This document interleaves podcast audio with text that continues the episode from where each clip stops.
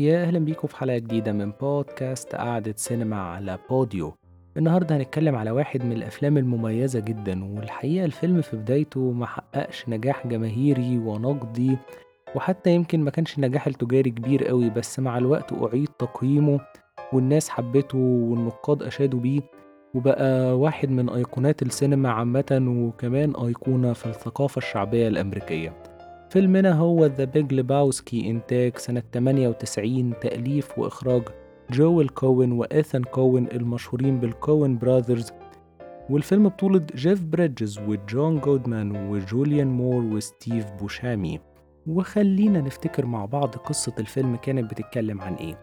القصة بتبدأ مع جيف لباوسكي اللي بيلعب دوره جيف بريدجز والمشهور ب The Dude شخص مسالم وعنده كمية لا مبالاة تكفي العالم وتفيض الحقيقة. بيقتحم ناس بيته بيضربوه بيبهدلوه بيبوظوا السجادة بتاعته اللي هي بتكون أكبر مشاكل حياته إنها باظت. بسبب تشابه أسماء مع شخص اسمه لباوسكي برضه والمشهور في فيلمنا هيكون ببيج لباوسكي وهو شخص غني بس مراته بتستلف فلوس وعاملة مشاكل كتير فبعد اللي بيحصل بيروح للشخص اللي هو ذا دود لبيج لباوسكي عشان يقول له انت لازم تعوضني وتجيب لي سجادة بدل اللي باظت وفعلا بيعمل حوار وبياخد واحدة من بيته يعني. بس بعد شوية بيطلب منه بيج لباوسكي إنه يساعده ويرجع مراته اللي اتخطفت عن طريق تسليم الفدية المطلوبة ومنه يتأكد الناس اللي خطفوها هم اللي راحوا بوظوا السجادة ولا لأ فبيوافق وبيروح مع صديقه والتر اللي لعب دوره جون جودمان في واحد من أروع أدواره وبيروحوا مع بعض المهمة بس والتر كده حب يجود شوية وكان شايف إن هما يبدلوا الفدية بشنطة مزيفة ويضحكوا على الخاطفين بس الدنيا بتبوظ خالص وبيدخل كذا طرف على الخط. وزي ما قلت إن الفيلم في الأول محققش النجاح المطلوب خالص على كل الأصعدة بس بعد فترة الموضوع بدأ يتحسن معاه جدا لدرجة إن هو بقى يعني من أيقونات الثقافة الشعبية زي ما قلت وتم ضمه فعلا لمكتبة الكونجرس وبيحتل مكانة كويسة في أفضل 250 فيلم في قائمة IMDb ودي مبنية على آراء الجمهور. وبقى في مهرجانات سنوية والناس بتيجي لابسة زي Dude وبيحتفلوا زيه وبيدعوا كمان بعض الممثلين زي جيف بريدجز للحضور وبقى يعني يعني في ناس كل يعني كل حياتها زي ال Dude وبيحتفلوا يوم 6 مارس بال بالعيد بتاع الفيلم وبيبقى مهرجان ويعني حتى إن إيثان كوين مرة بيحكي إن هو شاف وهو خارج من السينما مرة حاجة زي كشك كده والناس حاطين عليه صورة The Dude وقاعدين بيحتفلوا فيعني حب يستفسر فيه إيه يعني؟ فراح قال لهم يعني أنتوا بتعملوا إيه؟ قالوا له ده فيلم جامد جدا تعالى شوف وبيقطعوا تذاكر وبيتفرجوا مع بعض وزي ما قلت بيجوا لابسين نفس اللبس. فالفيلم الحقيقة بقى يعني أيقونة وبيتعمل منه memes و comics وبتبقى حاجة يعني نجاح كبير جدا على كل المستويات وكمان بقى فيه إشادة نقدية كبيرة. وخليني شوية أتكلم على أسلوب ال Coens لأن أو ال Coen Brothers لأن أنا الحقيقة بحبهم جدا. وليهم أفلام كتيرة جدا مميزة بالنسبة لي زي No Country for Old Men وأعتقد ده أشهر أفلامهم اللي إحنا يمكن في مصر نعرفه أو في المنطقة العربية. وكمان ليهم أفلام قديمة زي The Man Who Wasn't There ده فيلم جميل جدا برشحه لأي حد. وهنتكلم وليهم كمان طبعا فارجو اللي أخدوا عليه أول جائزه أوسكار. كل الحاجات دي ممكن نتكلم عنها بعدين. بس خلينا نقول إيه اللي ال Coens عملوه مميز في الفيلم ده؟ هم بنوا الفيلم على أساس أفلام قديمة الحقيقة تحديدا من نوعية ال film noir اللي إحنا كنا اتكلمنا عن النوعية دي شوية في الحلقة اللي فاتت بتاعت Shutter Island رقم 11 ورواية تانية كانت صدرت في أواخر الثلاثينات اسمها The Big Sleep وبعض الشخصيات الفنية اللي هم عرفوها معرفة شخصية يعني الناس أصحابهم. وده حصل في شخصية مود ليبوسكي اللي هي لعبتها جوليان مور وشخصية والتر اللي كانوا مزج لكذا واحد يعرفوه. بس الحقيقة بقى البرنس بتاع الفيلم كله اللي هو The Dude جابوا شخصيته من شخصية واحد اسمه جيف داود وكان آه شهرته The Dude برضه بين أصحابه وكان راجل آه hippie في السبع في السبعينات وأواخر الستينات وراجل رايق جدا وكل القصة اللي حكاها هو لجوليان مور لما قالت له أنت كنت بتعمل إيه في حياتك وقصص المزيكا وكل ده دي كلها متاخدة من شخصية جيف داود وهو يمكن كمان دلوقتي شغال في ال marketing والإنتاج بتاع الأفلام المستقلة. بس المميز كمان في اسلوبهم بقى وده اللي ضافوه إن هو دايما هتلاقي في أفلامهم مهما اختلفت أو اعتمدوا عالم ال wes... ال western أو الغرب الأمريكي أو عادي هتلاقوا إن في عبثيه دايما بينتج عنها كوميديا والكوميديا بتاعتهم بتبقى مميزة جدا. وأحيانا مواقف غير متوقعة زي موت شخصية غير متوقعة في توقيت غير متوقع وده اللي حصل مع شخصية دوني اللي لعبها ستيف بوشيمي في الفيلم. وعلشان كده هنلاقي في أفلام western في تاريخهم لاعتماد إن العالم ده عبثي جدا وممكن يخلوا روح ال western غالبة على فيلمنا وده برضه حصل في No Country for Old Men. وهتلاقوا يعني زي ما قلت لكم حتى لو الفيلم ب genre western أو يعني قريب من ال western هم هيحاولوا يدخلوه أو هيضيفوا عبثيتهم. والعالم اللي بيدور فيه فيلمنا ما بيحكموش أي قانون وقائم على تفاعلات الشخصيات مع بعض زي أفلام ال western. حتى البوليس لما ظهر في المشاهد هتلاقوا معظمها كوميدي زي مشاهد سرقة العربيات والظابط اللي كان عايز يخلص من The Dude ولقوا بالكوباية في دماغه. وده بيخلي اختيار الراوي ككاو بوي ولعبه ممثل اسمه سام إليوت ده واحد من الناس اللي يعني متخصصين western. ده دلالته إن هو زي ما قلت تأثرهم بالغرب الأمريكي رغم إن شخصياتنا مش بقوة شخصيات أفلام ال western. وهنا المقصود مش القوة يعني بتاعة التأثير لأ تأثيرهم كمشاهد عندنا كمشاهدين حاضر وكله. بس قوة شخصياتهم يعني كناس يعني أبطال أقوياء.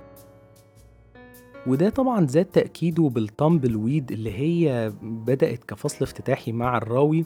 ال tumbleweed هي عارفين يا جماعة تبقى زي النبات كده جاف وبيبقى في الصحراء ونشف وبتكون مع بعض وعمل زي كورة هي دي ال tumbleweed يعني بصراحة مش عارف إيه ممكن تكون ترجمتها أو أقرب ترجمة ليها. آه، وهي في البداية بتبقى مع صوت الراوي اللي بيحكي لنا إن كل زمن وليه أبطاله بس البطل بتاع زماننا هو الدود. وده بيبين لنا إن إحنا داخلين على عالم عبثي لأن التامبل ويد بتبدأ من الصحراء وتبدأ تنزل معانا شوارع لوس أنجلس. وهنا ده يعتبر زي تمهيد إن العالم بتاعنا هيكون عشوائي وكمان بيدينا فكرة إن إن الأمور ماشية زي حياة دود كده الهوا هو اللي بيحركها لأن الواضح وده اللي هنتكلم عنه شوية كده إن الراجل ده عشوائي وعايش اليوم بيومه ويعني زي ما قلت لكم هو إيه يعني مريح دماغه من كل حاجة. العالم العشوائي ده بقى واللي بدأوا يدونا عنه فكرة بالتامبل ويد طبقوه في لوس أنجلس ولوس أنجلس كان احتمال يعني اختيارها بسبب الاختلافات اللي جواها وبسبب الاختلافات الثقافية ودي مواضيع مش عايز أدخل فيها كتير قوي يعني كأنه موديل صغير لأمريكا والثقافات فيها مختلفة جدا والطبقات الاجتماعية متباعدة بس كل واحد عايش في عالمه الخاص. والفيلم كمان اعتمدوا إن هو يكونوا فيه كمية شخصيات مش مؤثرة على أحداث فيلمنا بس وجودها كان إضافة كبيرة جدا للعالم بتاع ال Coen Brothers العشوائي اللي فيه عبثية زي الشخصية بتاعت جيسوس كوينتانا اللي هو جيسوس كوينتانا بس هو بيصر ينطق اسمه جيسوس كوينتانا اللي لعبها جون تورتورو واحد من الممثلين المفضلين عندهم. كنوع من أنواع تعبير عن حالة موجودة جوه المجتمع رغم إن إحنا لو شلناه من الفيلم مش هنحس بحاجة بس ظهوره كان خاطف وجاذب جدا لأقصى الحدود وأضاف للفيلم. ويمكن هنا دي يعني ودي حاجة هنتكلم برضو عنها شوية كده خلت إن في اتهام إن الفيلم غير مترابط. بس هما الفكرة بالنسبة لهم ما كانش إن الفيلم يبقى يعني فيه suspense قد ما هو يبقى عرض كبير جدا للشخصيات المختلفة جوه العالم. وعشان برضو زي ما استخدموا بقى ال tumbleweed والعالم بتاع ال western كان في أداة استخدموها وكانت عجباني جدا هي استخدام البولينج. لعبة البولينج كان مميز كانت مميزة جدا لأن هي أول حاجة نادي البولينج اللي بيقعدوا فيه ده المكان اللي بيجمع فيه الثلاث أصحاب اللي هم مفيش حاجة بتربطهم غير إن هم فعلا أصدقاء أقوياء جدا يعني علاقتهم وصداقتهم قوية جدا وبيحبوا البولينج. بس تحسوا إن يعني المكان ده يعني إيه؟ يعني حاجة الواحد يقضي فيها فراغه بس مفيش حاجة مميزة قوي يعني في البولينج بالنسبة لهم. هنا استخدام البولينج كان ذكي على كذا يعني على كذا وجه هنا. أول حاجة كان مع شخصية دوني اللي لعب دوره ستيف بوشيمي ويمكن كان وجوده بيضيف جدا للكوميديا لأن هو كان والتر اللي لعب زي ما قلت دوره جون جودمان كان بيهزقه دايما وكان التفاعل بينهم مضحك جدا ويمكن حتى كان في مرة هما بعد ما الدنيا اتعقدت رايحين يشوفوا الفلوس راحت فين بعد ما دخل كذا طرف على الخط. كان كل مشكلته بعد ما يخلصوا هما يروحوا ياكلوا في مطعم برجر محدد ولا لأ؟ يعني هو ده يقول لهم طب وهنطلع على المطعم ده بعد كده؟ فيعني كان وجوده كوميدي جدا. بس كان المميز هنا بقى استخدامهم والعلامات بتاعت ال Coen Brothers وإن هم ما بيعملوش حاجة الحقيقة على الفاضي. فمع أول لقطة والتتر بيخلص بنلاقي دوني بيوقع كل ال pins بتوع البولينج بكورة واحدة. اللي هم اللي بيبقوا شكلهم أزايز دول برضو مش عارف اسمهم يعني مش عارف إيه الحاجات اللي مش عارف اسمها كتير في الفيلم ده. وبنلاقيه فرحان جدا ويعني ويعني بيحتفل لكن قبل موته بيتكرر نفس المشهد تقريبا بالظبط بس بتفضل pin واحدة أو إزازة واحدة زي ما مش عارف بقى نسميها إيه مش بتقع. وبنشوف ردة فعله كأن ده نذير شؤم بالنسبة له. وفعلا بيحصل وفي نفس الوقت ده بنلاقي إن هو خرج قام جاله heart attack في وسط معركة كده في الفيلم ومات. موت عبثي. الناس كلهم بيموتوا بعض وبيحدفوا بعض بحاجات وضرب نار وده بيجي له heart attack وبي... وعن طريق نذير شؤم. إحنا بنفهم بعد كده إيه اللي حصل يعني بعد ما بن... يعني بنشوف النذير ده اتحقق إزاي. فكل ده كانت حاجة ذكية جدا باستخدام البولينج ورغم إن هو حاجة موجودة من الأول بس هم عرفوا يستخدموها. وفي نفس الوقت رغم إن الفيلم أحداثه بتدور في التسعينات بس البولينج خلفية مهم بيدي خلفية مهمة جدا عن شخصياتنا لأن البولينج كان عزه في أمريكا يمكن زي ما بيقولوا في الستينات والسبعينات. وده بيورينا إن الدود ده رغم إن هو عايش في التسعينات راجل رايق جدا وبينتمي للهيبيز ودماغهم وهو عايز يبين لنا الدود ده على قد ما هو راجل موجود في التسعينات وبيوصل لنا حاجات عن طريقه من اللي عايشة في المجتمع لا بيورينا مصير الناس اللي كانوا في السبعينات والستينات حصل لهم إيه. فكمان البولينج مع الأجواء ومع العلامات وال themes دي كلها بنلاقيه كمان إن هو مناسب جدا جدا لشخصية بطلنا اللي هو راجل قدري وزي ما قلت عايش اليوم بيومه وزي ما تيجي تيجي. فتحسوا برضو إن دي واحدة من سمات لعبة البولينج. وزي ما اتكلمت على. آه، أسلوب ال Coen Brothers حابب إن أنا أتكلم على برضو الشخصيات وطبعا مش هنقدر نتكلم على كل شخصية في الفيلم لأن هم كتير وتفاعلاتهم مع بعض. حتى اللي بيظهروا في مشهد واحد أو اتنين بيكونوا مهمين وليهم أثر ويعني وبيسيبوا فكرة محددة عايز يوصلها ال Coen Brothers بس أنا هنقي الشخصيات اللي عجبتني قوي إن أنا أتكلم عنها. وخلينا نبدأ بشخصية The Dude اللي هو زي ما قلت عنده لا مبالاة غير عادية. وكل اللي بيهمه البولينج وقعدة صحابه وإن هو يدخن الماريوانا ويشرب ال drink بتاع ال White Russian. وحسب كلام اثن كوين آه، اللي هو يعتبر يعني عنده جانب التأليف شوية أكتر. هتلاقوا مشاريعه اللي ظاهر فيها كمؤلف أكتر من آه، جويل كوين. آه، كانت فلسفتهم إن هم يجيبوا شخصية زي دود ويحطوه في أكتر مواقف مربكة ممكن تحصل له. وزي ما هو واضح إن هو أكتر إنسان غير مؤهل للتعامل معاها فبالإضافة لكده كان مثير جدا إن بطل الفيلم ما يكونش مخبر خاص بيحاول بقى يحل قضية وبيبحث في لغز زي أفلام النوار القديمة اللي هم حاولوا ان هم حاولوا يستغلوها ك reference ليهم. لا ده جابوا بقى يعني طوروا الموضوع وجابوه شخص دماغه ضايعة جدا قاعد يربط الأحداث في بعض. بالاشتراك مع والتر اللي بصراحة يعني مش هخبي إن هو شخصيتي المفضلة بيجي من وراه كمية ضحك غير عادية. وكل حاجة فيه جامدة في التفاصيل وده هنتكلم عنه شوية كده. وولتر ده طبعا أفكاره غلط وبتروح بالدنيا في داهية. والحقيقة رغم إن الراوي في الفيلم بيقول إن دود هو أكسل شخصية في لوس انجلس بس الحقيقة كسل ولا مبالاة يعتبروا في حد ذاته ثورة عن ألو... على الواقع اللي موجود ومجتمع لوس أنجلس وجو القيود الاجتماعية اللي هو منفض لها تماما الراجل لا عايز يتجوز ولا عايز أطفال ولا حاجة. وده اللي خلى شخصية زي مود ليبوسكي تختاره كأب لطفلها. هي مش عايزة واحد بعد كده يجي يسألها في أي حاجة ولا يسألها على الطفل ده أصلا. فهي عجباه دماغه المنفضة جدا إن هو أصلا مش هيهتم بحاجة. على الجانب الآخر بنلاقي شخصية والتر وهي بقى أجمد شخصية في الفيلم بيجي من وراه كوميديا غير عادية الصراحة. فرغم كل الكوارث بقى اللي بيسببها والتر بس نقدر نعتبره فعلا أقرب حد لدود. وكاتم أسراره واللي بيحكي له كل مشاكله وبيستنى منه نصيحة ورغم إنه في المعظم بيوديه في داهية بس العلاقة بينهم فيها قوة غريبة ومش مبنية على سبب الحقيقة. واهتمام مشترك هو البولينج واللي دايما تلاقوا دايما الدود قاعد يهدده ويقول له خلاص بقى أنا مش جاي البطولة فتلاقي والتر بيحاول يهدي اللعب شوية معاه ويهدي عصبية. بس هتلاقي والتر زي ما قلت دوره مهم جدا ورغم إن هو يمكن مش بطل فيلمنا بس هتلاقوه يعني محرك مهم جدا للأحداث يمكن في بعض الأحيان أكتر من ذا دود لأن هو تصرفه الأول هو اللي غير مجرى الفيلم تماما. يعني كانت الأمور ممكن تنتهي في أول نص ساعة تلت ساعة بس والتر غير الدنيا تماما. وآراءه يمكن بتضيف لأحداث الفيلم أحداث جديدة. يعني كل مرة بتلاقوه هو يمكن المدخل ل sequence جديد بندخل فيه بسبب رأي والتر وتصرفاته المجنونة.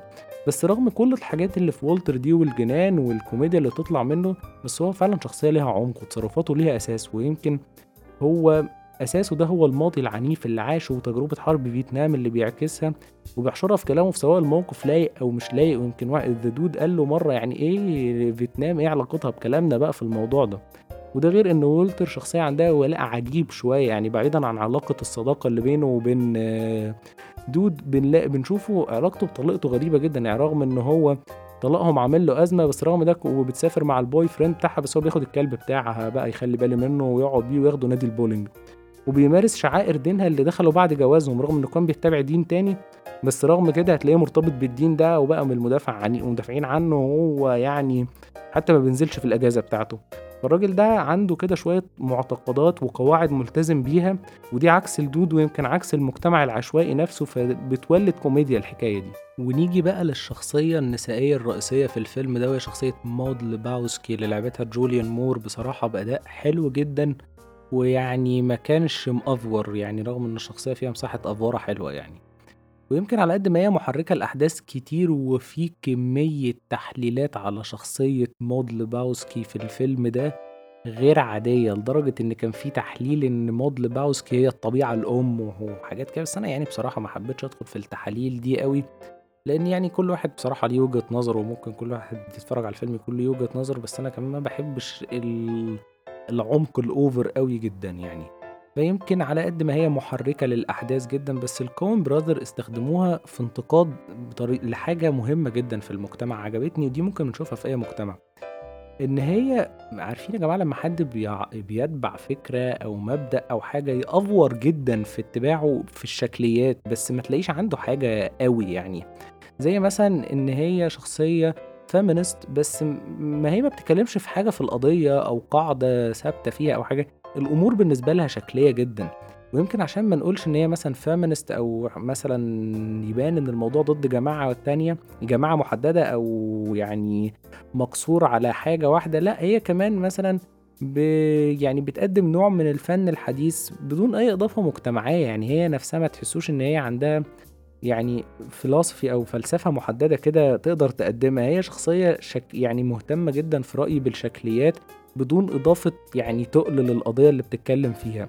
وده بان جدا من أسلوب عرضها لكل مشاكلها وكل الأمور اللي بتتكلم فيها.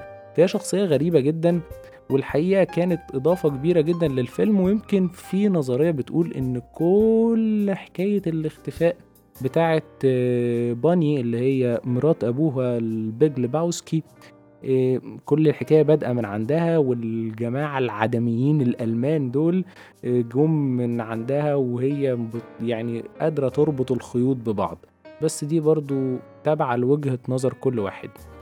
وخليني بقى أتكلم إن زي ما قلت إن الفيلم كان منتقد جدا وكانش الناس بتقول إن هو فيلم يعني غير مترابط و...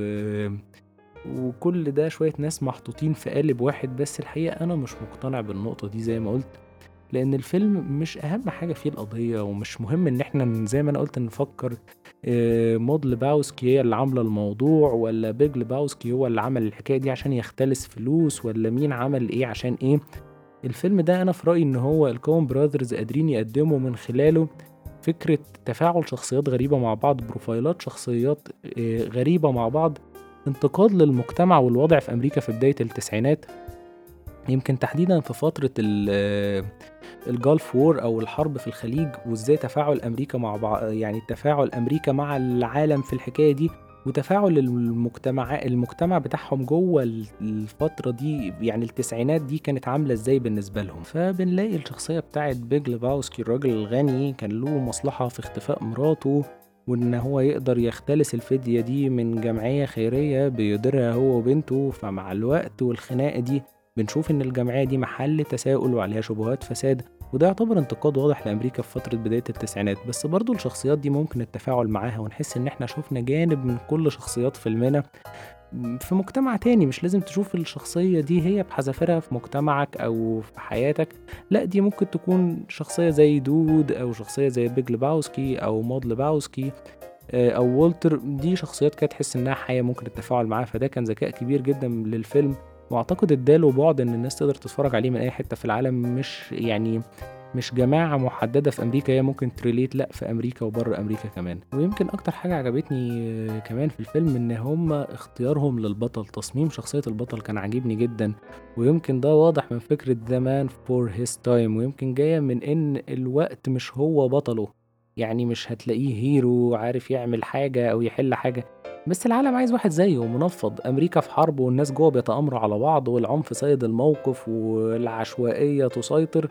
والدود ولا هو هنا والكوينز دعموا الفكرة دي. الحقيقة بلقطة ذكية جدا وهي لقطة المراية بتاعت مجلة التايم اللي هو بتاع إن هو رجل العام. فيعني بصراحة كان اختيار مميز جدا وضاف للفيلم. ويمكن الغلطات اللي بيقع فيها شخص عشوائي كانت كاشفة جدا عن شخصيات كتير حواليه. ويمكن في الآخر بنلاقي إن البطل اللي هو جيف لباوسكي أو The Dude بيقول The Dude abides وده يعتبر انتصاره لأن دي معناه إن هو خلاص يعني هو مكمل في اللي هو فيه ومنفض. فرغم كل شيء هو استمر في الحفاظ على مبدأه وإن العالم بمشاكله وعشوائيته ما أثرش فيه تماما وده انتصار حقيقي.